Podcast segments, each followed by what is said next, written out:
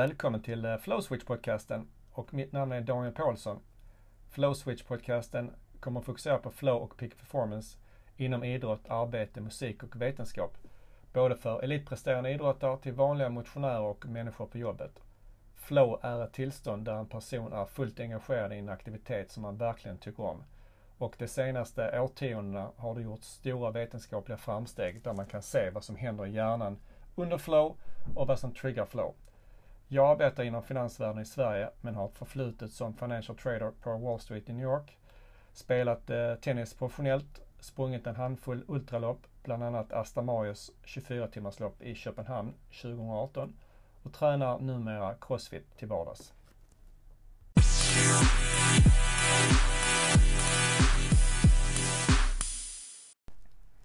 Välkommen till Flowswitch-podcasten som idag gästas av Johan Stene som är en av världens bästa ultralöpare.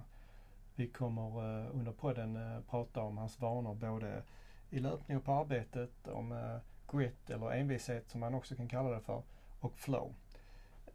Johan vann 2018 Bigs Backyard Ultra i USA där han slog nytt världsrekord med att springa 45 mil på 68 timmar. Mer om det kommer ni kunna lyssna på i podcasten.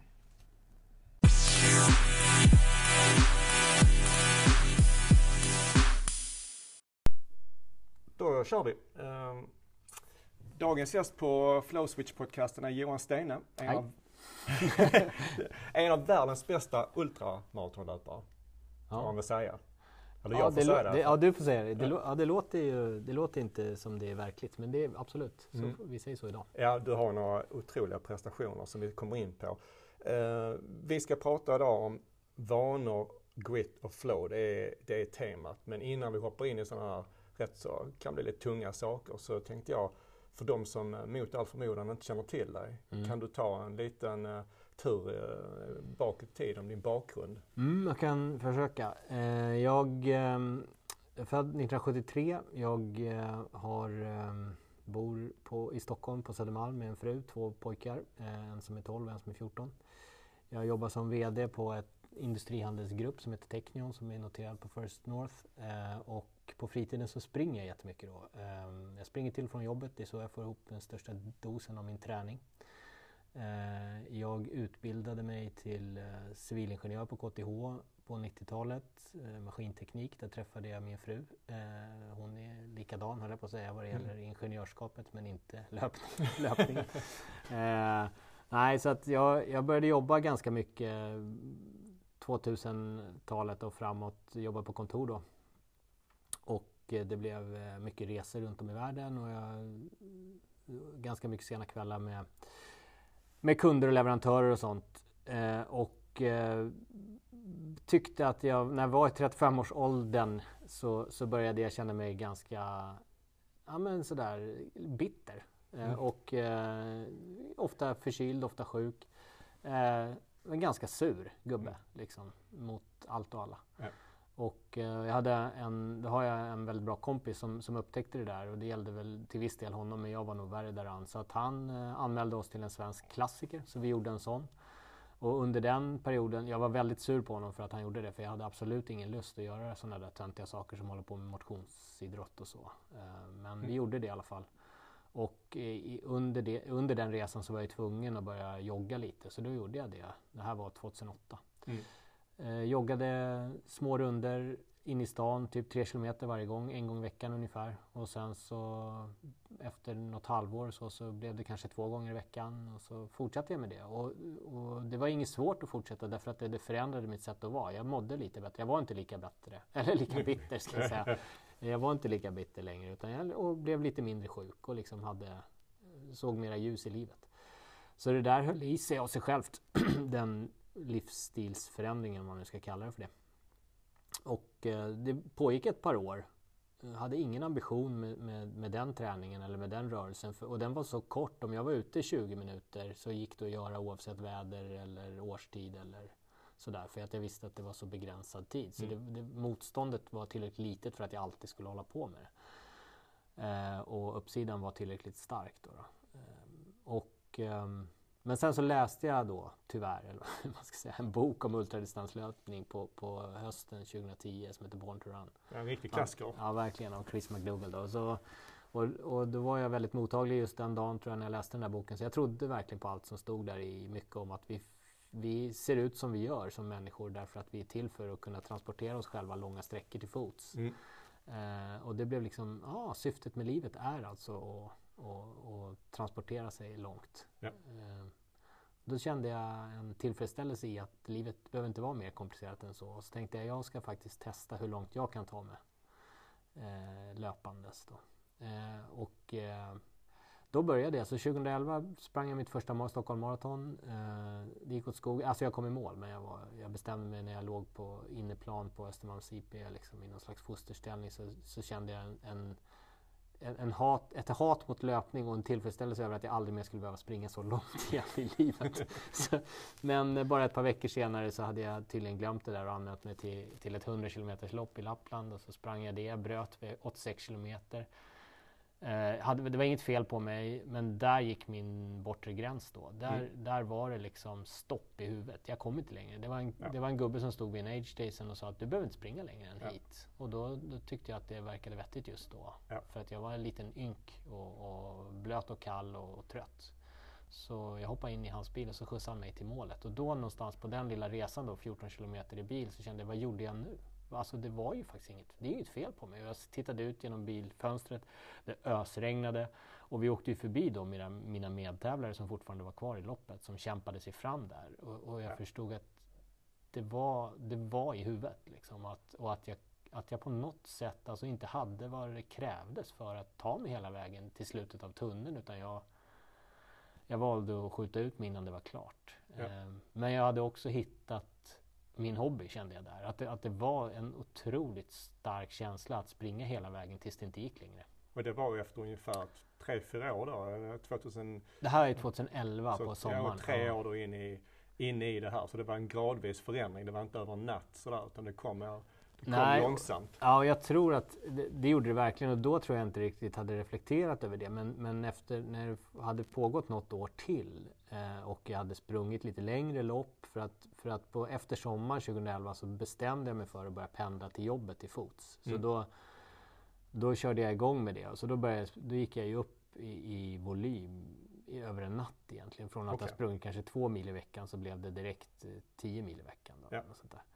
Eh, och, eh, men, men, sen efter något år då, då, gick det upp för mig. För då hade jag ju börjat kunna springa länge och långt. Ja. Och, och, och, förstod att det här hade jag aldrig lyckats med om jag hade läst den här boken och börjat så här. För det blev, till, det blev en tillräckligt stor volymökning ändå, liksom sådär snabbt. Men hade jag inte haft de här två, två och ett halvt första åren med, med lite småjogging, ja. då hade det aldrig gått. Ja. Och det hade ju inte varit, det var ju inte en start på något som jag visste vad det sen skulle bli, utan den smögs ju igång bara för att jag mådde lite, lite bättre av det. Ja. Så att jag lurade mig verkligen på något sätt in i det här att jag hade förutsättningarna att börja trappa upp träningen till de nivåer som jag sen gjorde. Ja, för det är inget ovanligt kanske med att man börjar med sånt i 35-40 års åldern. Det som är ovanligt i ditt fall det är ju att uh, dit du har kommit. Alltså du har ju verkligen ja. fortsatt och fortsatt och fortsatt och kommit till världselite. Det är extremt ovanligt. Är, mm. Jag tror inte jag känner till någon faktiskt som gjort det. För de flesta som har gjort det har ju ofta varit väldigt bra som ung, 15-20, mm. hållit på, varit väldigt bra i den sporten och sen har de jobbat upp sig från kanske en ibland lägre nivå. Men ingen som har kommit, som jag känner till, nästan från det blå bara. Nej, men jag har väl, jag har, jag har ju aldrig haft liksom det talang eller vad man ska det som kallas för talang. Yeah. Det har jag liksom aldrig haft yeah. för någon sport riktigt. Yeah. Men däremot så har jag alltid velat vara bra på det jag gör. Så jag kan nöta saker väldigt länge. Om, om det är något som jag vill hålla på med. För jag vill vara bra med det jag håller på med. Så det betyder väl då att man, det som, ja, man säger att man går all in på något, om man har fastnat för det. Ja. Eh, och, och, så blev det ju med löpningen. Men det fanns aldrig... Det fanns nog aldrig eh, ens när jag började bli bra då, då eller när jag började placera mig på tävlingar, en vilja att tävla, alltså att slå andra. Utan det var väldigt länge det bara var intressant att se hur långt jag kunde liksom, push, pusha mig ja. själv. Alltså vad, vad, går min gräns? Det var drivkraften från början. Det var en nyfikenhet att nå den där positionen igen som var första gången då 86 kilometer i det 100 kilometers loppet ja. i Lappland. Ja. Va, när kommer jag dit? Och, och, hur långt kan man stretcha det för, för att nå dit igen? Det var, så var det absolut de första åren. Och, och det var också kopplat till att jag, det öppnades ju en ny community som var den här uh, extremlöpar gruppen människor runt om i världen. Och jag tyckte det var spännande att komma till nya platser och springa i nya miljöer och gillade att liksom testa nya saker. Så det var inte så att jag ville bli bättre på en specifik gren av ultralöpning. Mm. Att det liksom var att det var platt eller att det var berg eller att det var öken eller skog eller asfalt eller bana. Utan jag tyckte det var spännande med allt, liksom, allt möjligt och omöjligt inom den genren. Ja. Eh, vilket jag också tror gjorde att jag fortsatte och tyckte det var kul att det aldrig var likadant. Utan... Men någonstans, när insåg du att du var bra? För placeringarna, du började tävla mer och mer och någonstans kom det till att du kunde springa så långa distanser och du placerade högt. När, vilket år eller vilken tävling fick du liksom insikten att jag är ganska bra här. Det är, inte liksom, det är kanske mer än bara en kul grej utan nu är du mm. faktiskt i eliten i Sverige. Ja, men jag, 2011 där så, så, ställde jag upp på vintern eh, i ett eh, 24 timmars lopp i Oslo som heter Bislett. Då springer man under läktarna där. Det är en bana som är, vad är den? Är den 400? Nej, den är 540 meter. Eh, det är som en två löparbanor under läktarna, liksom, ja. i katakomberna under. Man springer runt, ja. runt i 24 timmar. Och då vill jag jätte, jättegärna komma 100 miles, alltså drygt 16 mil. Ja. För det var något som jag tänkte att där det, det, det, skulle liksom vara tick in the box på. Att det är en klassisk distans. Klassisk distans att komma på 24 timmar.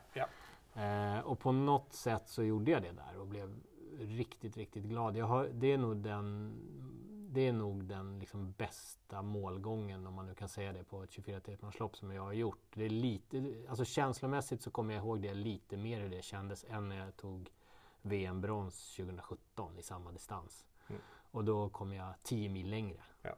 Men det var väl för att du visste inte lika mycket vid det tillfället. Du kunde, då, när du kom till VM och alla de andra loppen så var din förväntan mycket, mycket högre. Ja, absolut. Så ja. var det. Och här, här, var det, här hade jag aldrig sprungit 24 timmar innan. Alltså jag hade aldrig varit igång i 24 timmar. Och det, ja. Allt var nytt och det var, det var läskigt på ett annat sätt. Ja. och när man märkte att man nådde det man ville nå så blev det, man euforiskt glad efteråt. Eh, men, men sen 2012 så fortsatte jag öka dos, veckodoserna.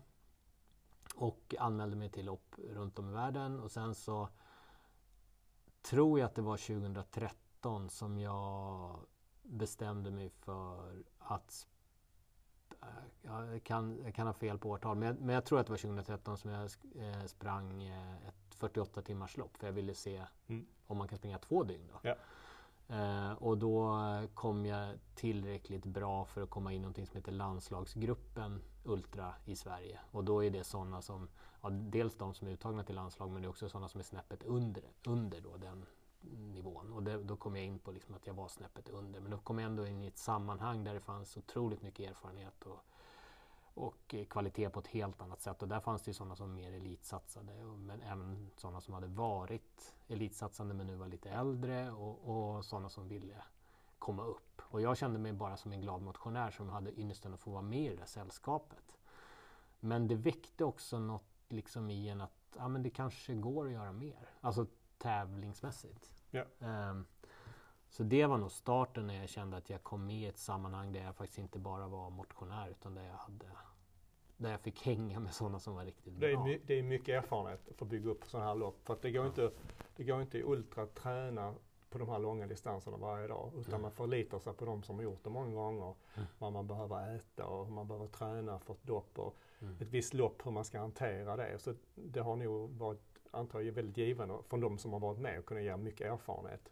Ja, jag, jag, upplever verkligen att det är så. Jag, jag försöker också äh, prata om det med sådana som, som frågar mig om hur man ska träna och vad som är viktigt att tänka på. Så jag tror att det viktigaste är att hänga med sådana som har gjort mycket lopp. Därför mm. det är precis som du säger, man kan aldrig utsätta sig för den här bortre gränsen allt för ofta. Utan är, man måste lita på och lyssna på sådana som har gjort det flera gånger. Och, och de i sin tur måste lyssna på andra och lära sig. Så det är ju, det är ju en tradition av att liksom berätta för varandra hur det känns och komma på lösningar på problem som kan uppstå och sånt där. Det är det absolut. Ja, för eh, ultra Ultravärlden, det är väl enda sport som man kan ha eh, istället för en dålig dag, dåliga dagar. Alltså det, är ju, det, det, pågår ju under så lång tid så det, det är ju det är extremt och det är vi kommer in på lite senare men det är väldigt svårt tror jag för människor och vi pratade om det lite innan här att människor att förhålla sig när det går över ett maraton så bör man liksom lämna den verkliga världen. Mm. Om det är 10 eller 15 eller 20 mil det är svårt för vanliga människor att, att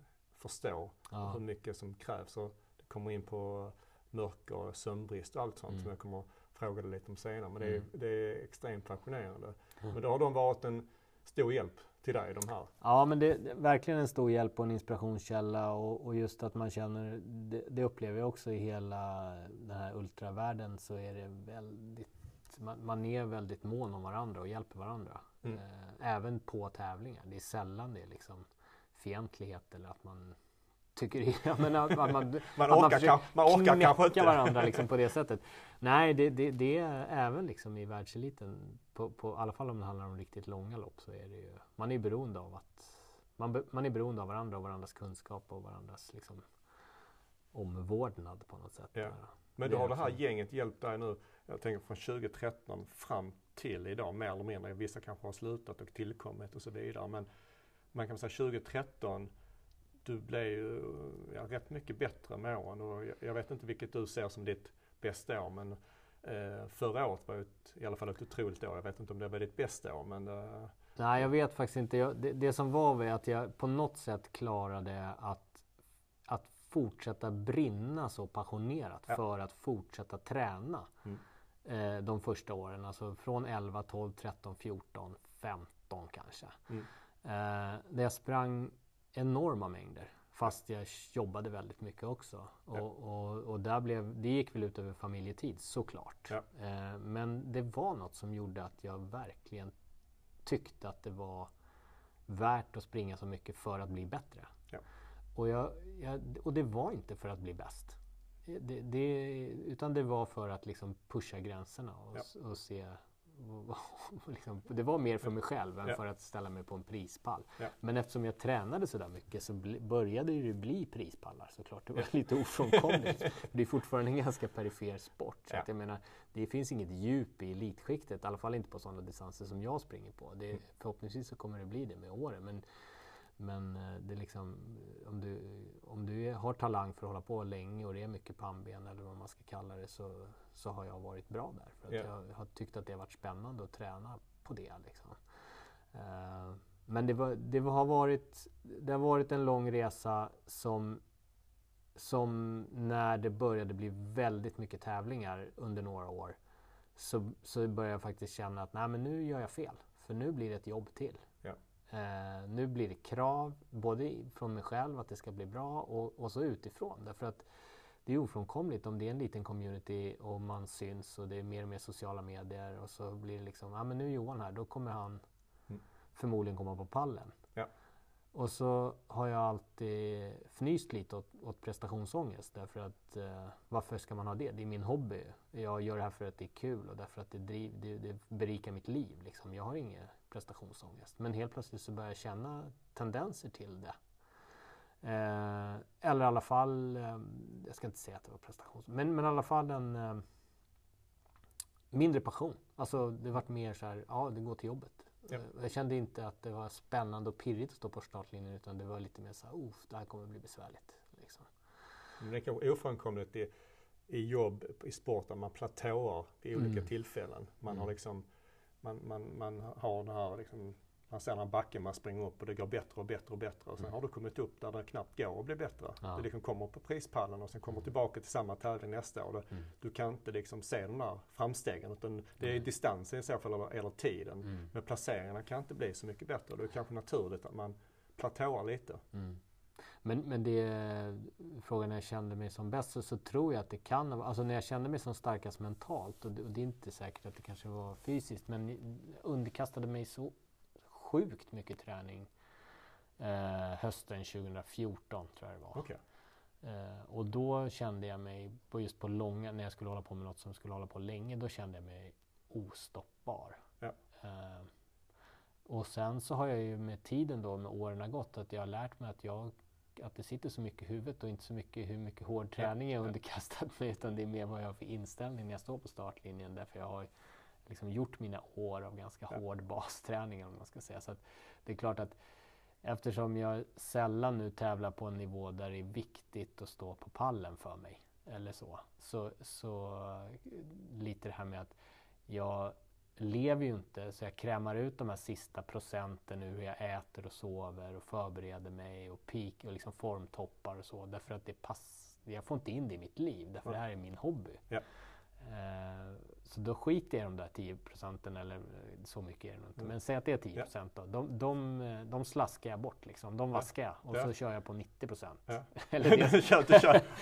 Nej men om man tar det då som barn. För man, det finns ju många som är i världseliten som är rätt extrema vad gäller sömn och kost och så vidare. Men om man börjar, jag vet att du springer fram och tillbaka till jobbet. Mm. Alltså, går du upp, om man börjar dagen, när går du upp till exempel? Ja men för det mesta så, det, det- absolut vanligaste är att jag går upp vid sju för då går mina barn, då väcker jag mina barn Ja. eh, och så lagar jag frukost till dem och så eh, hinner jag jobba lite, dra iväg eh, lite mail och sånt som jag inte vill hålla på och tänka på på dagen. Ja. Eh, och sen så har det varit så, nu börjar den lilla 12-åringen, nu börjar han bli så stor så nu får jag inte gå med honom riktigt till skolan. Eller får och får, men Mm. det har börjat fasa ut det nu. Annars har jag följt med honom till skolan. Men nu så börjar jag, nu så sticker jag ifrån dem eh, lite innan åtta och så springer jag till jobbet. Brukar jag vara på jobbet vid nio. Ja. Eh, och sen så jobbar jag på. Och sen nu det, har det varit mycket jobb här ett tag och då kommer jag sällan ifrån kontoret före sju på kvällen. Och då kommer jag hem vid åtta, halv nio. Ja. Och då har min, eh, min snälla fru tagit hand om all markservice hemma. Liksom. Ja. Lagat mat, fixat ungarnas läxor. Eh, ja, det- så att, så att jag, det, förutsättningen för det här, dels att jag jobbar så mycket eh, och, och springer så mycket, det är ju att hon är med på banan. Liksom. Ja. Så är det ju. Ja det är svårt för det tar ju, alltså det är oavsett vilken elitidrott. Men det som skiljer dig från många andra det är att du har ett, ja kanske mer än ett vanligt jobb. Du ska hinna med det också. Det är inte bara löpning eller eh, bara idrotten som gäller. Så det är den här kombinationen att få vardagen att hänga samman. Men om man då, eh, och när kommer du i säng då på, på kvällarna? Då, då kommer hem så sent. Ja, men då jag, förhoppningsvis så har jag ju någon timme där med, med barnen. Kanske gör någon läxa med dem eller liksom försök, om de inte spelar dataspel, men Mm. hämta på någon fotbollsträning eller något så. Ehm, sen så går alla och lägger sig utom jag. Och så har jag någon ambition kanske att jag ska sticka ut och springa. Eh, nu för tiden sällan blir det av. Ja. Eh, men ofta har jag ambitionen. Men sen så brukar det bli ja, lite jobba. Eller göra lite ideellt arbete. Då jag håller på lite med så här ultradistans eh, föreningsliv. Ja. Eller något annat sånt Ja. som, eh, som jag måste pyssla med. Och sen så brukar jag typ slänga mig i soffan och dumtitta på något tv-program. Linjär tv. Ja, det, för man måste bra. stänga av huvudet ett tag. Ja, det blir bara liksom, eh, ja verkligen dumt. Bara något som fladdrar förbi. Ja. Så hjärnan kan gå ner på lågvarv. Flatlina hjärnan. Ja. Men det, ja, det, men det behöver man ju. Men jag, och när du, när du är ute och, och springer då, när man har det här lyssnar du på musik då eller har du någon inre monolog med dig själv liksom om du tänker på nästa tävling eller hur mycket, Mm. någon viss tid du ska hålla eller eh, något, någon form av som alltid återkommer hela tiden? Ja, men eh, jag, jag lyssnar mycket på poddar. Alltså människor som pratar är det då. Okej, Ehm, när, jag, när jag joggpendlar till jobbet och från jobbet. Eh, ibland lyssnar jag på ljudböcker. Mm. Eh, men det finns så mycket liksom, annat prat, podderi att lyssna på nu så det, det blir tyvärr lite sällan. Jag längtar lite tillbaks till det. är, när jag tävlar har jag väldigt sällan något i öronen. Då Ja. är det bara jag och, jag och naturen eller på att säga. Ja. Eh, och sen så när jag springer till jobbet så brukar jag kunna fundera ut vad jag har att göra så att jag liksom förbereder mig för det som ska göras på dagen. Så det är ganska skönt att jag liksom hunnit tänka på det i lugn och ro när jag kommer till kontoret. Ja. Eh, på vägen hem så är det ett sätt att sluta tänka på jobbet faktiskt. Ja. Det upplever jag sällan som jag ja då ska jag vara riktigt inne i något om jag kommer hem och liksom snurrar jobb fortfarande i huvudet då. så man kan säga att de två är som två eh, bokhållare på varsin Ja, sida av ja. dagen som startar och slutar dagen på ett bra sätt. Ja, jag tycker faktiskt det. Eh, Det funkar verkligen så. Ja. Eh, liksom rada upp sakerna som behöver göras, eh, förbereda sig på dem när man är på väg och, och sen när man sticker hem så hinner man faktiskt liksom koppla ner lite grejer. Kanske putta in lite saker som ska in imorgon istället så ja. att man vet att man lite vad man ska börja med imorgon. Men, men när man väl kommer hem så har man hunnit tänka klart och speciellt när man har några som pratar i öronen på en hela tiden om något annat så kan man sakta sakta glida in i det samtalet och faktiskt vara där istället för att vara i det där i de egna tankarna. Ja, liksom. ja. Men då, när man, om man då tar, då, då springer du två gånger varje dag, transport mm. till arbetet, mm. få in det där. Så du verkar inte vara, vi pratade lite om en extrem vanemänniska och har, men om man då tar jobbet, mm. är det några vanor då som, jag tänker om man är så pass bra som du är så måste man ha en vanestruktur och vanesystem som man ofta tar med sig in på jobbet. Mm. Alltså är det några sådana som du alltid gör när du kommer dit klockan nio och klockan elva alltså, eller tar alltid lunch vid samma tidpunkt och då gör du, gör du något speciellt varje dag eller är det liksom, tar dagen som det kommer? Ja men jag, det, det är svårt när du ställer frågan för jag vet inte riktigt hur det är. Vilket, det jag vill reflexmässigt svara är att jag tar dagen som den kommer. Men undrar om det är så riktigt. Det, det som är är ju att jag är på många olika ställen geografiskt på mitt jobb. Ja. Vi har eh, 13 dotterbolag vilket betyder att jag är runt på många av dem ganska ofta. Och jag, okay. och jag är, då är jag bara någon eller några dagar i veckan på mitt eget kontor. Okay. Eh, jag pratar med väldigt mycket folk i telefon, jag mejlar ganska mycket och, och jag pratar liksom med olika typer av människor. Jag mm. pratar med medarbetare, jag pratar med leverantörer, jag pratar med kunder, jag pratar med potentiella framtida affärspartners och vad det nu kan vara. Så det är ju... Och då har jag inte... Eh, eftersom då är man aldrig synkad med någon annan riktigt. Ja. Och, och, mina, mina närmsta medarbetare, jag jobbar med, med tre fantastiska människor väldigt tätt. De har ett väldigt liknande setup som jag. Så de också far runt. Så vi har inte riktigt koll, ja, vi, vi, har inte riktigt koll på vad vi gör i olaget. Men, men vi, har, vi har inte liksom vi, vi, måste, vi måste prata med varandra i, i mellanmöten eller i mellan saker vi gör. Det är där vi stämmer av med varandra. Så ja. att vi måste hela tiden vara flexibla och lyhörda på varandra och vad vi behöver hjälpa varandra med. Och så där. så att jag, på det sättet så är vi nog ganska flexibla och det, och det i sig får vara vår rutin. Liksom, att ja, vi, flexibel rutin. Ja, men att vi, att vi, att vi har ett att vi har en trygghet i att inte, att det inte är så inrutat men ja. att vi hela tiden har varandras rygg på något sätt. Ja. Eh, och vi stöttar varandra då i det. Men, men och då blir det att vi, ja, vi, vi säga, ser stolthet i, eller men vi ser att vårt jobb behöver vara flexibilitet och rörlighet för att vi ska kunna stötta våra dotterbolag så bra som möjligt. Mm. Men är du, skulle du säga att är du samma vanestruktur, är du mer vanebildande utanför jobbet än på? Eller är det ungefär, du är samma person utanpå på jobbet? att du, du är inte så att du ändrar där eh, när det kommer till löpning, att det är ännu mer, du har ditt system och hur många kilometer du ska nå och så vidare? Eller du... Men jag tror att löpningen för mig har varit, och kanske eh, möjligtvis att det, att det bara är liksom en efterkonstruktion, men, men det känns så rent med löpning. Mm. Det är så okomplicerat. Det är ingen utrustning. Eh, och, och, just som jag springer då så är det ju ganska jämn fart, malande jättelänge. Mm. Eh, så att, med, med, ett väldigt enkelt syfte. Alltså att bara komma fram. Ja. Det, det, är hyfsat hjärndött. Mm. Där, men mitt jobb är precis tvärtom. Ja. Det är både här och där, högt och lågt. Teknik, människor, HR, ja. affärer, liksom, analys. Det, det, är väldigt, väldigt kreativt. Mm. Om man nu ska använda ett sånt så, ord. Så raka motsatsen nästan? Ja, jag, ja, när man beskriver det så så blir det det. Mm. Uh, jag vet inte, det, det, är klart att det krävs kreativitet eller någon... Det, det, krävs ju driv, en vilja att vara bra i bägge. Mm.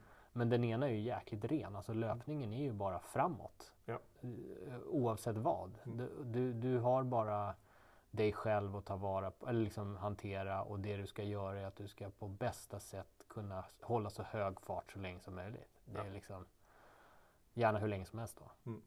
Eh, där, där jobbet är ju mycket mer toppar och dalar och mm. liksom kunna vara flexibel eftersom det handlar om att, att, hantera människor så är det hela tiden att känna av, känna av, känna av. Mm. Löpningen är bara att känna i sig själv mm. och, och, ta ut max. Man kan styra mycket mer själv. Det är upp Ja. till en själv nästan till 100 procent. Ja, och, och, och, och det du be- behöver ta hänsyn till det är då, finns det mat att stoppa i sig? Finns det dricka? Har du tillräckligt med kläder? Är det varmt? Är det kallt? Eh, vad är det för väder? Är det mörkt? Är det ljust? Hur länge ska jag hålla på? Är det Mm. sex timmar eller är det sex dagar? Ja. Har jag en ansträngningsnivå som jag tror på kommer hålla i sex dagar? Så vidare, så vidare. Ja. Eh, Men på jobbet så är det ju mer det är mer ett sprint. Det, vi, bygger, vi bygger en företagsgrupp som, som är ultra. Den är så, så tillvida att vi, det, finns ingen, det finns ingen bortre horisont för Ja. hur stora vi ska bli eller så länge Ja. vi ska hålla på. Utan det är bara en ständigt växande företagsgrupp. Vi, Ja. vi vill växa dotterbolagen och vi vill köpa ny, nya dotterbolag. Liksom. Så det finns ingen som, vi, vi blir aldrig färdiga. Det är ultra. Då. Men det är fortfarande så att varje arbetsdag på det sättet jag precis har beskrivit är ju mer som ett sprintlopp. Man ska ju Ja. orka med och, Ja. och prestera den dagen. Ja. Sen måste man hem, hämta kraft för att starta nästa dag och prestera nästa dag. Medan de här ultraloppen är ju mycket, mycket tydligare tycker jag. Att det liksom, Men, men samtidigt är det enormt svårt i ultra. Nu har du ju tävlat så mycket men jag tänker när du springer 10 kilometer eh, ungefär till jobbet och så 10 kilometer tillbaka. Men i dina lopp ibland så har du ju varit uppe i ja, sex dagar ännu längre. Men jag Mm. tänker på när du eh, vann förra året 45 mil. Hur, för, alltså, hur den skillnaden i det är flera dagar, det är mörker, det är kallt, varmt. Alltså, Mm. eh, hur förbereder man sig för, för det? För när du springer här så är det ju i princip eh, Mm. det är de här 10 kilometerna och det är, det är på, morgonen och på eftermiddag. Det är aldrig, du lider aldrig av sömnbrist. Hur förbereder man sig för en sån? Eh, ja, det, det är ju mycket tro. ja, men det är mycket att tro på att det går bra. Ja. Och första gångerna så är det ju, då är det ju ren tro. Att man har förmågan att klara av det. Ja. Och sen så bygger man ju en erfarenhetsbank som säger att det faktiskt det, det går. Ja. Eh, men det är ju självklart att det, om du, det här som, som förra året då när jag vann Bigs Backyard, liksom en Harry på täppan-tävling där man springer 6,7 kilometer varje timme tills det är bara en kvar. Ja. Eh, då, är, då, då måste man vara inställd på att det finns ingen som kan slå mig. Alltså jag, jag kommer orka ett varv längre än alla andra. Och det spelar ingen roll hur många varv det är. Man, och man måste vara i nuet, verkligen. För att om man börjar tänka att imorgon kväll kanske jag inte orkar mer. Ja. Nej, men det, det håller ju inte. Utan det är just nu ska jag orka ett varv. Ja. Och sen har man gjort det. Så just nu ska jag orka ett varv till. Det blir väldigt, väldigt tydligt när man ska hålla på i flera dagar och göra en sån monoton, idiotisk grej. Att, att man måste tvinga sig att vara här och nu. Men det, det har jag hört från eh, många andra även när du har Hell Week i Navy Seals. Mm. Man måste bara tänka här och nu. Bör man Mm. tänka på att det är flera dagar kvar och allt annat och tankarna fladdrar iväg så går det inte längre. Jag tror inte våra hjärnor är kapabla att hantera den mängden plåga. Alltså, eh, utan man, måste, man kan hantera plågan som är nu. Ja. Men du kan inte liksom fantisera ihop att du ska hålla på med samma plåga i tre och ett halvt dygn till. Ja. Så det är liksom, nej, men det, det, det är fel. Ja, men Utan- jag, ja, men jag, har ju, jag har ju läst nästan de flesta artiklar om din envishet. Mm. Och, då, och det, ja, det måste man ha. Men även som jag, när jag läste en artikel om vad du sa till dig själv. Eh, om det nu var så innan den här eh, Backyard Ultra att du skulle aldrig ge upp. Mm. Och då är min fråga, hur, hur tänkte du i det ögonblicket? Var det verkligen så att, till skillnad från något annat lopp, Mm. skilde det sig när du sa det? Att det var verkligen, för då hade du haft en enormt dålig förberedelse också. Mm. Eh, eller var det bara något som du brukar säga? Eh, ja, men lite både och kanske. Jag, jag brukar ha några sådana där grejer som jag tänker. Det är inget jag säger högt, men jag tänker att det är värt att dö för. Mm. Eh, för att eh, det är det ju såklart inte. Det är verkligen inte. Mm. Men, men tankemässigt måste man vara beredd tror jag på att Ja. ta vilken skit som helst för att fortsätta.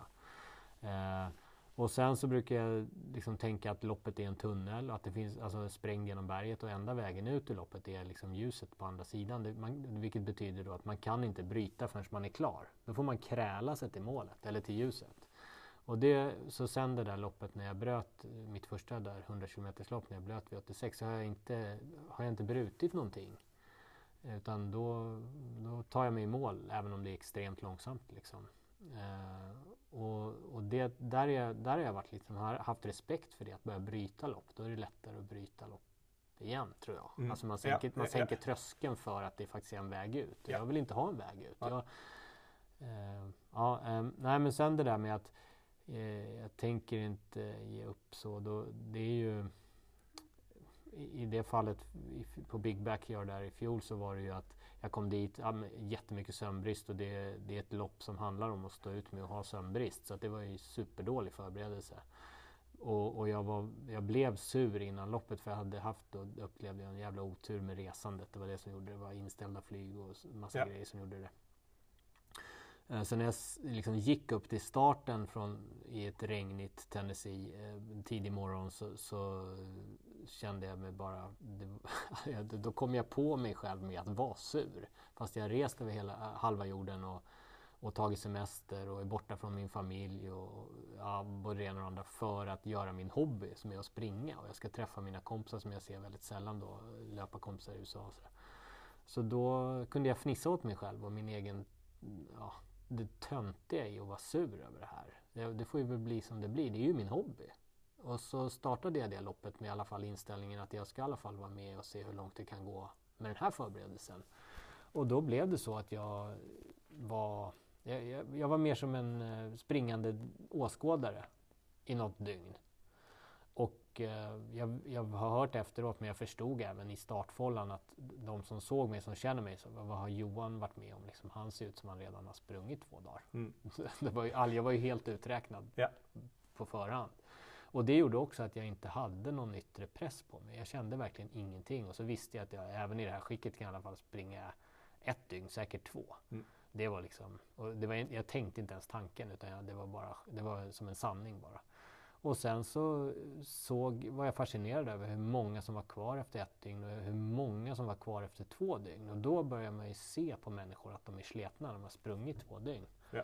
Och då kände jag faktiskt en, eh, ja, lite så här, liten skadeglädje kanske. Jo, men jag kallar det det då. Men det är mer så här att jag tyckte att det var lite fnissigt också. Att för fan, nu får ni känna hur det känns. Så här har jag känt hela tiden. Ja, precis. Men, men, men, men, men jag tänkte på det. Visste de om din dåliga förberedelse? Många. De ja. visste det? Ja, för jag, hade, jag visste inte om jag skulle hinna till start. Så jag hade ju kontaktat tävlingsledningen och sagt att jag sitter i skiten här men jag gör allt jag kan för att komma till starten. Så de visste ju liksom Okej, okay, så du, du, okay, här, du, du, du, visste att de visste. Så att det var liksom en sån hjärnornas krig hade liksom redan börjat innan loppet? Absolut. Ja. Annars har vi sagt för några år sedan när vi sprang det där så pratade jag med en en, en kompis som heter Joe Fiji som är väldigt duktig på mångdagars lopp. Uh, han började köra psyk, psyk, uh, psykningar redan första dygnet med mig. Det var jätteroligt, vi hade kul, men jag sa det på skämt. Men Joe, inga psykningar före, liksom, efter, efter att det har gått 24 timmar. Efter 24 timmar är det fritt fram. Uh, och sen så började vi med det och då, det är jätte, jätteroligt. För det här det är ju en tävlingsform som verkligen är hjärnornas kamp. Ja. Det, det handlar ju om att inte visa svaghet. För att om du, om du ser någon som är svag, då växer ditt självförtroende. Ja. Jag mår bättre än den där. Jag kommer ja. i alla fall slå ja. den där personen. Och tvärtom, om du ser någon som ser oberörd ut och du själv känner att det här, nu kan jag inte röra mig längre. Då, då blir du ännu sämre såklart. Så det, det är jätte, jätteviktigt att tro på sig själv och jätteviktigt att, att inte tro på de andra. Ja, så, det... så, så, det är väldigt, det är väldigt, väldigt intressant. Men när det väl eh, hade gått två dygn så där, där föll liksom då föll bitarna på plats i mig igen. Och vi hade verkligen inte... Jag, jag, kom till tävlingen för att komma bra eller för att vinna eller komma, på, komma bland de bästa i alla fall. Men efter den där förberedelsen så, så försvann ju det. Och på webben där som jag beskrev, promenaden upp till starten, så, så var det bara att delta. Och, ja. och, och, försöka ha kul. Eller så kul man kan ha på en sån där tävling. Men liksom i alla fall njuta av att få vara med i sammanhanget. Men efter två dagar så kom liksom det tillbaks. Att, eh, nu är det ju tävling igen. Och nu kommer jag ju komma bland de bästa. Ja. Det vet jag. Ja. Och sen eh, när det vi, efter ett tag så försvann den som jag trodde hade bäst chans att hålla på längst, Guillaume Calmette. Eh, han fick ont i en fot så han bröt. Eh, och sen så var vi några, ja, var vi fem kvar kanske. Så kände jag ju att eh, mm, det här borde ju vara jag som är kvar sist. Får man extra energiskjuts då när man känner det? ja. eller, men kommer den ner ganska snabbt efter ett par timmar? Eller hur? Nej men den energin, det, det, det blir mer ett liksom ett så här taktiskt övervägande eftersom det går ju så väldigt långsamt. Så då blir, då, då blir jag i alla fall bara ännu mer noggrann med att följa min egen fart. Vara jättenoga med att jag att jag vårdar min kropp och att jag vårdar mitt energiintag så att jag liksom förbereder mig bara. Att jag inte tar, absolut inte, inte tänker framåt men, men att i varje enskild stund göra det bästa för att jag ska kunna hålla på så länge som möjligt. Mm. Eh, så att det blir jättenoga med att in, inte börja tänka på slutet utan bara ja, börja ja, tänka man... på att snart är det ännu viktigare ja. att köra ett varv till och ett varv till och ett varv till. För det kan man säga, att, hur lång var, var, var, var, var det 6,7? Det är 4,16666 miles så att det ska bli 100 miles på 24 Precis. timmar. Så, du, så springer du två dygn då är det 200 miles, tre dygn 300 miles. Mm. För det är inte alla som springer givetvis lika snabbt, för man har en timme på sig. Ja. Så man kan välja att springa hur snabbt man vill eller komma in 10 sekunder innan. Exakt. Och när man är bara, som du säger, fem kvar Mm. Misstänker att men man kanske ändå är relativt harmoniserad. Men man springer i olika tempo. Ja. Och, och, vissa, och hur, hur hanterar man det? Sprang du med någon där de sista? För då var du på, efter två dygn, då hade, visste du inte men då hade du ju nästan 20 timmar kvar ju. Ja. Var, du, var ni en klunga då eller var ni utspridda? Nej men vi var ganska utspridda. Det blir ju som en klunga i början. Men sen man springer en liten bit, några hundra meter på asfalt och så vänder man tillbaks och så kommer man in i skogen och då blir det ganska knölig stig. Liksom, ja. smal stig. Så då, då sprids man ut och sen vissa väljer att gå i backar, vissa småjoggar hela tiden. Och det, det är olika. Så att jag eh, Ja, de första dygnen så då är det så många kvar så då är man ofta med någon mm. Eh, och kan prata eller liksom i alla fall ha sällskap av varandra. Men sen efter två dygn då är man ju, eller då var jag själv i alla fall. Eh, och sen så på nätterna så har man en bana som är på asfalt för att den där knöliga tekniska stigen i skogen den kräver liksom dagsljus annars så jo. är det för bökigt. Så på, på natten när det är mörkt så då är man på asfaltsväg. Då springer man fram och tillbaks på, ut och tillbaks på en asfaltsväg. Mm. Eh, och då är, man ju, då är många mer tillsammans igen. De är det. För ja. jag tänkte, hur, då kan man springa i bredd och prata. Och så, det är också det att när man är flera stycken så kan man mycket lättare betvinga sömnbrist. Ja. För att har du en dialog med en individ då, då funkar hjärnan. Då har hjärnan ett syfte. Det är när hjärnan får börja spela sina egna spratt med sig själv. Det är då du liksom kan gå in i symptom av riktig sömnbrist. Och så, så att, är, är man smart då ska man då hålla sig med någon i deras tempo kanske ibland för att undvika att man får de här enorma svingarna. Som ja, springer, ja. Absolut. Och det, också det... se hur de, hur de mår. För ja. annars, om ni är utspridda så vet man ju inte hur de andra mår Nej, heller. Nej exakt. Eh, det är ju, men, men, där är det ju, söker man sig, det, det är ju lätt att om man mår bra och har energi att prata, får man ju ännu mer energi av det. För då ser man de som är tysta är ju ofta de som inte har tillräckligt med energi för att prata. Ja. Och de som drar sig undan på natten och vill vara för sig själva, då vet man ju, de lider ju. Ja.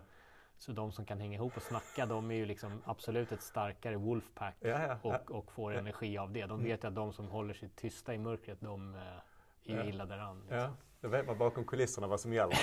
Ja, jo men absolut, så det är mycket det.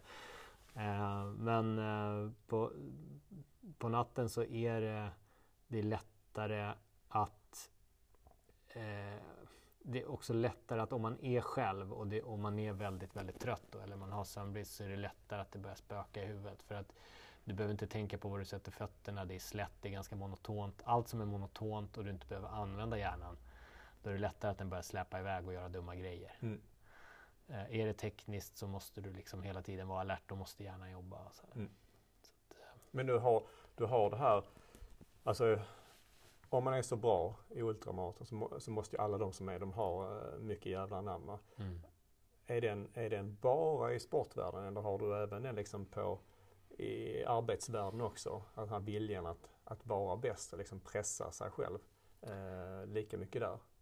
Ja, det blir på, jo, men jag vill vara bra på det jag gör. Både liksom på, på jobbet och på hemma och på hobbyn och sådär. Jag tycker att Ja men det är som på något sätt att värdesätta livet för mig. Ja. Att vilja vara bra på det man håller på med. Att det, för att det är så mycket i mig som är kopplat till att få uppskattning. Alltså att tillhöra ett lag. Ja.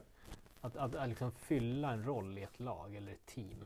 Jag tycker jättemycket om att få uppskattning för det. Mm. Så då vill jag, på, då vill jag vara bra och, och på jobbet för att eh, människor som jag jobbar med ska tycka om mig. Ja. Eller liksom att, ja, ja. det, det är viktigt. Och, och, då vill jag nu, nu har jag satt mig i en situation där jag både har liksom medarbetare och sen då alla, alla som har någon relation till företaget givetvis, eller företagen. Men, men medarbetare, det är en styrelse, det är ägare och nu är vi liksom ägare på, på en noterad miljö också. Det finns ju en massa ansiktslösa ägare också som tycker och bedömer och man vill ju vara bra. För alla såklart. Och det, någonstans så, så måste man ju se till sig själv också. Att det är på, på det sättet, det är, det är, inte sunt att tänka så hela vägen ut utan det måste finnas något där man vårdar sig själv. Men, men i, i det här hobbysammanhang med löpningen så är det ju från början så var det bara ett intresse av att pusha mina egna gränser eller leta efter var gränsen går för mig. Men när man märker vad det är för typ av människor som håller på med det här eh, så tycker, eller jag tycker i alla fall väldigt mycket om dem, de flesta. Så det är en miljö som är härlig att vara i och det är familjärt och, och man stöttar varandra och peppar varandra till, till att göra svåra och svåra grejer. Så vill man ju också vara bra för dem. Alltså ja. så är det för mig. Jag, jag, på, på de här, säg det där Big Backyard, jag tycker att det är, jag vill inte komma dit och göra folk som tror på mig besvikna. Det, och, det, och, det är inte direkt kopplat till, till det som vi pratade om förut, prestationsångest. Det är någon slags här, hedersamhet. Att liksom, ja, fan, det, jag ska i alla fall göra mitt bästa. Det behöver inte betyda att jag vinner, men jag ska i alla fall ge dem det, det, ge dem myter. jag ska ge dem myter. Varför ger du dem? För det är, så mycket, det är väl inte så jättemycket betalande publik på de här. Eh, Nej, verkligen Det är de närmast sörjande. Men om man, om det är ju sådana som vet vad man heter i både för och efternamn. Precis, men om man vänder tillbaka det så har det bara fem kvar ungefär. Ja. Nu vet ju jag att eh, så trillar det bort eh, en efter en. Mm. Och det som var speciellt med det här loppet, um, jag vet inte om, om, om det finns något annat lopp, det var, ett, det var två kvar, så är det alltid. Mm. Men mm. det var lite speciellt att det var ju en uh, tjej. Mm. Courtney Delwater var kvar. Uh, den, uh, Gavin Woody var den trean. Och där hade vi just det här flockbeteendet som jag försökte beskriva alldeles nyss. Att vi, vi sprang på natten då, alla tre. Och vi såg att den som vi haltade alla tre när vi startade varje varv. Man är väldigt stel. Liksom. Man sitter ju några minuter där och försöker eh, få i sig lite näring och sova lite, någon minut kanske, eller i alla fall vila. Och sen är det start igen. Då, då. Och då stapplar vi alla ut utan att försöka se ut som vi stapplar för att inte visa svaghet. Ja. Ja. och säger något check till varandra ja, där i startfållan och sen startar vi och då, då, det, då går det inte att dölja liksom hur, hur illa däran vi är. Men, eh, men eh, Gavin, han led liksom. Det är tydligt. Ja. Och vi, eh, vi kunde ganska lätt glida ifrån honom där på asfalten. Courtney, om man, ska, liksom, om man nu kan säga så, men jag gör det då. Om man, om man ska mäta hur bra löpare vi är så är Courtney av oss tre absolut bästa löparen. Sen är det nog jag och sen är det nog Gavin. Liksom ja. så här, löpteknikmässigt. Okay. Och, ja. Uh, så att uh, jag och Courtney kunde, kunde, ganska lätt glida ifrån Gavin där och det njöt vi av. Mm. Alltså kollekt, utan att behöva säga det till varandra. Mm. Vi, tyst överenskommelse ökade vi farten lite mot vad vi hade haft innan bara för att han skulle känna att han inte orkar följa med. Mm. Och det stärkte oss och det sänker honom. Det är så det funkar. Uh, och sen så gjorde vi så ett par varv. Han bröt, eller han bröt och bröt. Han gav sig iväg och men, men fick liksom ge upp för att han kom liksom inte framåt. För det är inte som ett, ett annat lopp där man ska bara nå en mållinje där, där då hade ni varit 1 två. Men nu mm. räcker det att han kommer in och kan starta om vid mm. nästa timme. Så, men Alla... det är bara, bara mentalt att ni har dragit ifrån gör ja. att han känner att jag hänger inte med. Nej. Och, men jag tror att han, han körde ju liksom tills hans kropps... Det, det är ju det som är det stora med Gavin i det här. I, i, det, på något sätt så gjorde han den största prestationen på det loppet. För att han sprang ska inte ta bort något från Courtney, men han sprang i alla fall tills han helt klappade ihop. Ja. Det fanns liksom inget kropp kvar. Hjärnan ville nog fortsätta, men hans kropp kunde inte. Ja. Um, och då var det ju då var det bara jag och Courtney och jag blev väldigt... Ja, jag fick supermycket energi när vi bara var två kvar och sprang iväg. Men då hade jag fortfarande en jättestor respekt för Courtney, för jag vet att hon är mycket bättre på löpning än vad jag är. Men då kom det, på, på något sätt så är det en, en genusaspekt som kom in då också. Då vet mm. jag att jag är kille. Ja. Så att jag borde slå en tjej. Ja. Alltså jag är fostrad till det. Så att då, och, och, då har man hållit på då i 65 timmar så man är inte helt, man går ju någonstans på reptilhjärna. Det blir, Man har inte de absolut mest analytiska tankarna utan det är ju väldigt känslobaserat det man gör. Och, då, och då, jag, vet, jag, vet, att jag fick energi av att jag är kille och du är tjej. Så jag borde slå dig. Eh, och sen så för att vi bara var två kvar så fick jag en liten boost av det mentalt. Och, så jag joggade iväg när vi var första gången tillsammans då bara jag och Courtney och jag kände att jag kunde glida iväg lite. Alltså bara ett par meter. Men det gjorde ju också att jag, för då visste jag inte om hon gjorde det med flit eller om det ja. var, men, men jag valde att inte tänka på det utan det var bara fan, jag kan glida ifrån här. Men vi var ganska tätt ihop ändå och vi pratade lite och, och sådär och sen så, nej men sen så var, var det en backe där eh, vi hade stannat och pinkat där ett par gånger så då så så ropade jag bak till henne och frågade om det var pinkdags. Liksom. Jag kommer inte ihåg exakt hur det var men, det var, men det var det i alla fall. Så att jag pinkade lite och sen kom Courtney och pinka och då när hon pinkade då stack jag. Ja. Och jag brukade mer vänta på henne. Men nu så tänkte jag, ja men då tryckte jag på istället för att gå upp för den där backen. Så sprang jag upp för backen och så tänkte jag få se vad som händer. Eh, och då blev det ett stort glapp. Så jag kom hela vägen ut till vändpunkten och så vände jag och sen så kom det en liten svag uppförsbacke till vändpunkten. Så, där. så när jag sprang ner för den där backen så hon kom liksom aldrig. Jag mötte henne aldrig. Mm. Eh, men i, nere vid, liksom vid foten av backen nästan så, så kom hon där och, och då så hon hade hejat på alla varje natt och det här var ju tredje natten så hade hon hejat på alla när hon mötte där med ett glatt whoop whoop. Mm. Sådär. Och så mötte jag henne nu så då förekom jag henne med ett whoop whoop. Mm. Och då kom det ett jättetrött whoop whoop från, från Courtney. och då kände jag också så här, men vänta vad är det som händer? Mm. Eh, men eh, jag fick, eh, jag hade väldigt, väldigt stort självförtroende där i att det här kommer gå bra. Ja. Eh, och eh, kom ju då till eh, startfållan, eller liksom till, till målområdet några minuter före henne. Då hade vi varsitt tält där på något, det var svinkallt. Eh, så vi hade varsitt så här tält med väggar på, eh, partytält typ. Så vi, hon gick in i sitt, det var som två gladiatortält. Hon gick in i sitt, jag gick in i mitt och så fick vi om, blev vi ompysslade där inne och kunde vara svaga och mm. visa det ja. i några minuter innan det var dags för start igen. Då kom vi ut ur varsitt tält och så gick vi så oberörda som möjligt till startlinjen. Ja. Men, eh, då så när jag gick ut så var inte Courtney i startfållan. Hon har varit i startfållan först av alla under tre dygn. Och då var inte hon där. Och Gary som är race director, han kom fram och yrade om något med mig. Han sov ju inte heller något så han var ju också jävligt seg i kolan liksom. Och jag var mer orolig för jag började titta efter Courtney och jag sa, men Gary Courtney är inte här. Mm. Han snackar på. Så mm. jag kollade på klockan liksom. Och Han eh, pratar på och så är det bara 15 sekunder kvar till start. Och då kommer Courtney ut utan att verka oberörd. Utan stappla fram och så, och så kramas vi. Hon säger bara nej du, jag kan inte. Du ja. vinner. Ja. Och så kramades vi och så sprang jag iväg. Och då, och då var det, det var det. Från att vara glad och säker på att vi skulle springa en dag till. Ja. Så kände jag. Okay. Det, kom, det här var ju sex, timme 67 då. Ja. 68. Så att jag eh, var helt, hade ställt in mig på att jag och Courtney kommer springa till det blir morgon och så kommer vi gå, ge oss ut på dagbanan igen. Och så får vi se hur det går. Eller liksom, jag visste att jag, jag självförtroendet var att jag skulle vinna men jag trodde absolut att vi skulle hålla på en bra stund på dagen där.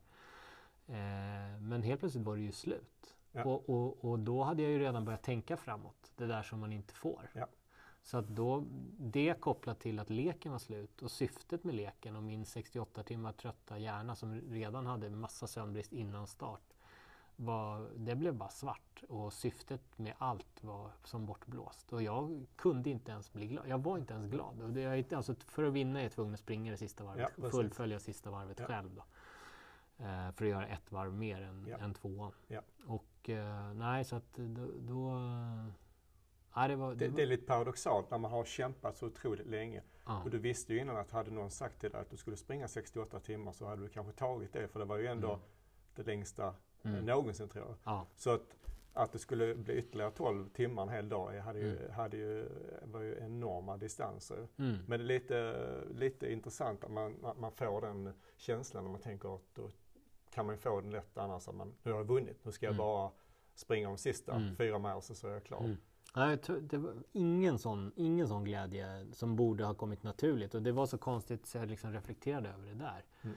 Uh, men det var att allt syfte med den här leken som vi hade hållit på med var borta när det bara var jag kvar. För det betydde, kampen var ju borta. Eller liksom det ja. som var kittet som ja, gjorde att det var värt att fortsätta tävla var ju borta.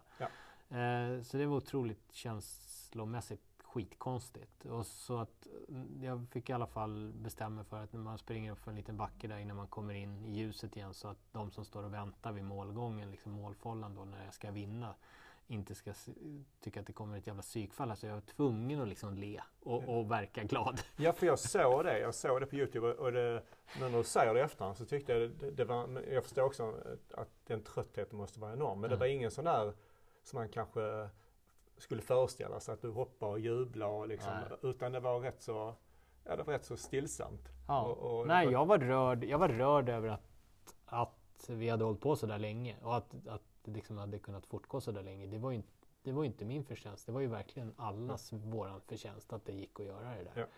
Så att jag försökte lite stapplande tacka för det och att det var, att det var en otrolig sak att vara, vara med om. Men jag hade, ing, jag hade noll glädje då. Mm. Det kom ju dagen efter. Då fattade jag att det, det här var ju superkul att få ha vunnit den här bataljen. Men då så, och det var inte det där att jag var supertrött. Det är klart, det var, hjärnan var ju som bortblåst. Men, men jag fick en bärs och jag satte mig på en veranda och eh, var med om någon eh, videointervju. Ja, och liksom, ja, så mm. det, det, gick ju att liksom leva lite till och gick upp till huset och duscha och sådär. Så mm. Du hade ja. lite kvar i kroppen. ja, ja, för det är lite ja, men mentalt på riktigt så hade jag, jag var helt inställd på att vi skulle köra en dag till. Ja. Men då var du, hade du i ditt huvud redan liksom, det kanske var därför du, du också vann, att du hade redan, det kanske inte hon hade, hon tänkte kanske bara ett, ett, eh, ett varv i taget medan du var inställd på att här blir 12 timmar till. Så mm. när du hade den så kanske du till och med blev lite, nästan lite förvånad att hon slutade.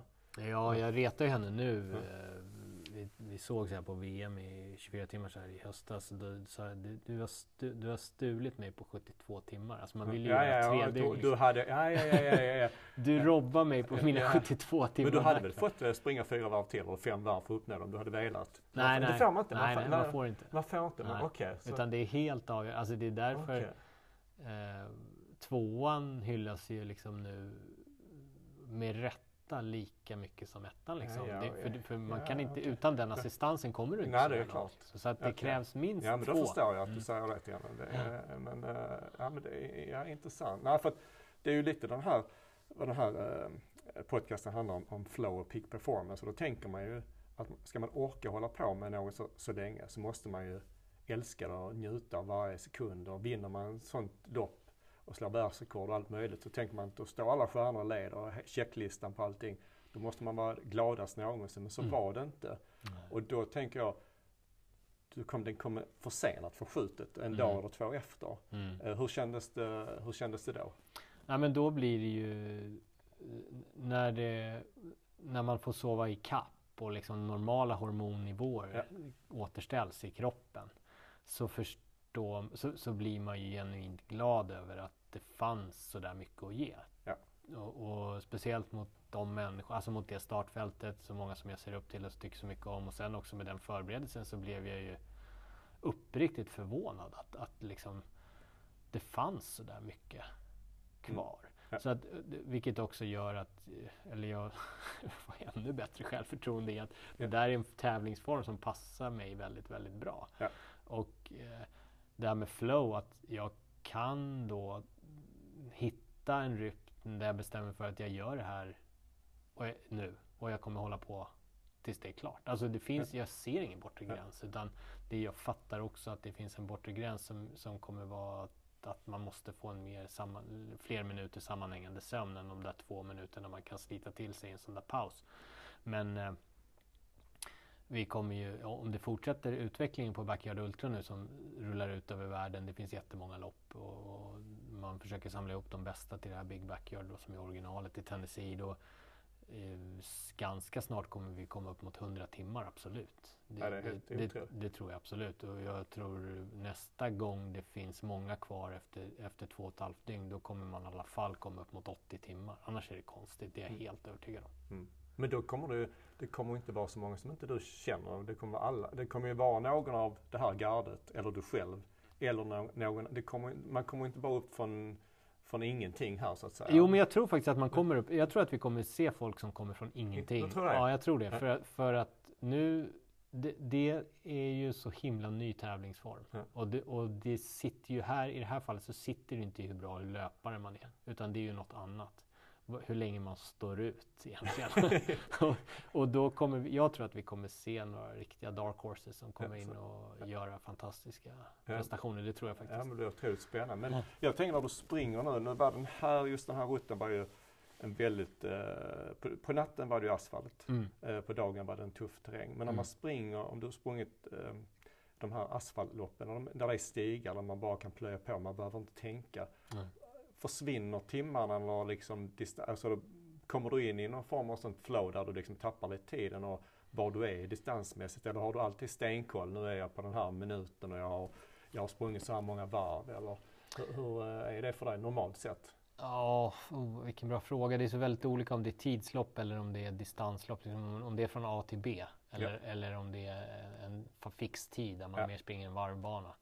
Eh, men eh, ofta när, när man, om, om det är många dygn, alltså mer än tre dygn, Ja. då finns det ju perioder när man bara springer. Där man liksom där man inte checkar håller koll på, Ja, ja, man ja, checkar ut. ja. Och det är ju otroligt skönt. Och det Ja. finns också perioder där man kommer in i någon runners high, alltså där du får ett, ett hormonpåslag som gör att du mår otroligt bra.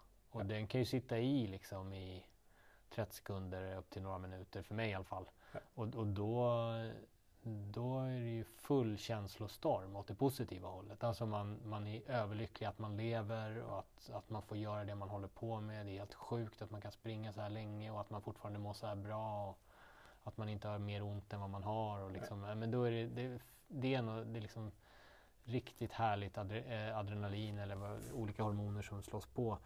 Och, och tårarna rinner av lycka liksom. Eh, det kä- känns som man blir översköljd av en iskall våg som är behaglig. Mm. Eh, och man känner sig fullständigt levande. Tills att man är i, i, där man ligger på gränsen för vad man klarar av. Man är stressad över att man ligger lite efter sitt mål och man har ont överallt och man kan bara, man, det kräver full koncentration för att hålla den här farten som är lite för långsam. Ja. det, är liksom bara, det är bara kopplat till misär. Ja. Allt är dåligt liksom. Eh, Jag mår dåligt, prestationen är dålig. Så du har upplevt hela spektrumet av eh, känslor nu Johan i dina lopp från eh, som du säger fullständigt levande till eh, fullständig misär och eh, Fullständigt död. fullständigt död. Och du är ju expert på misär i alla fall. Och nu har du två uppkommande lopp. Hurt 100 och då, då förstår man ju nästan vad det innebär när man har det namnet. Och, och som inte det är nog så har du Barclays också Eh, i mars-april eh, som kanske är världens hårdaste lopp. Hur tror du upplevelsen kommer att bli i de här loppen? Jag hoppas att det blir, eh, jag hoppas att det blir kämpigt såklart och, och äventyrsfyllt. Det första loppet, Hurt 100, är på Hawaii och där är det, 100 miles. Det är ganska, ganska brant, mycket backar, ofta är det lerigt, mycket rötter, ganska svårt att ta sig fram. Liksom. Jag tror att, jag, jag har hört att det inte är så det är inte så mycket som är liksom löpbart sådär, Eh, inte enkelt i alla fall, utan det är mycket kämpa. Eh, Det ser jag som ett bra uppladdningslopp inför Barkley då, som kommer några månader senare. Som är väldigt, ja, där, där vet jag ju hur svårt det är. Där har jag ju misslyckats flera gånger så att det är någonting som jag verkligen, verkligen vill klara. Och där handlar det om att eh, stå ut väldigt länge och liksom pusha på fast, fast allt är misär. Liksom. Det handlar om egentligen en 60 timmars eh, ansträngning som, som man helst vill klara av då såklart. Ja, och det, är, det, är det andra eller tredje gången du gör den? I så fall om du gör den nu. Hur många gånger har du prövat? Ja, det är hur, må- hur många gånger är det egentligen? Det är, det är faktiskt femte gången. jag ska Femte springa. gången? Ja, bara, det, bara det är en bedrift ju. Och man kan Det är att det, bedrövligt. Ja. ja, men det är ju, det, vad är det, 15 deltagare under de åren som har klarat det, något i den stilen va? Ja, det, är sen, det, loppet startade ju 1986 och sen dess är det 15 individer som har klarat det. Några har ju klarat det mer än en gång, men Ja. det är 15 personer som har kommit i mål. Drygt tusen som har försökt. Ja, det säger, det säger en hel del. Så att, eh, ja men det, det är, eh, ja det är helt otroligt. Men jag, jag, från min sida i alla fall, jag önskar dig all, all lycka i de här loppen och jag eh, kommer att se fram emot att, följa den noggrant, både de här loppen och framåt. Så tackar jag så hemskt mycket för den här gången. Tack så jättemycket Daniel. Tack. Tack.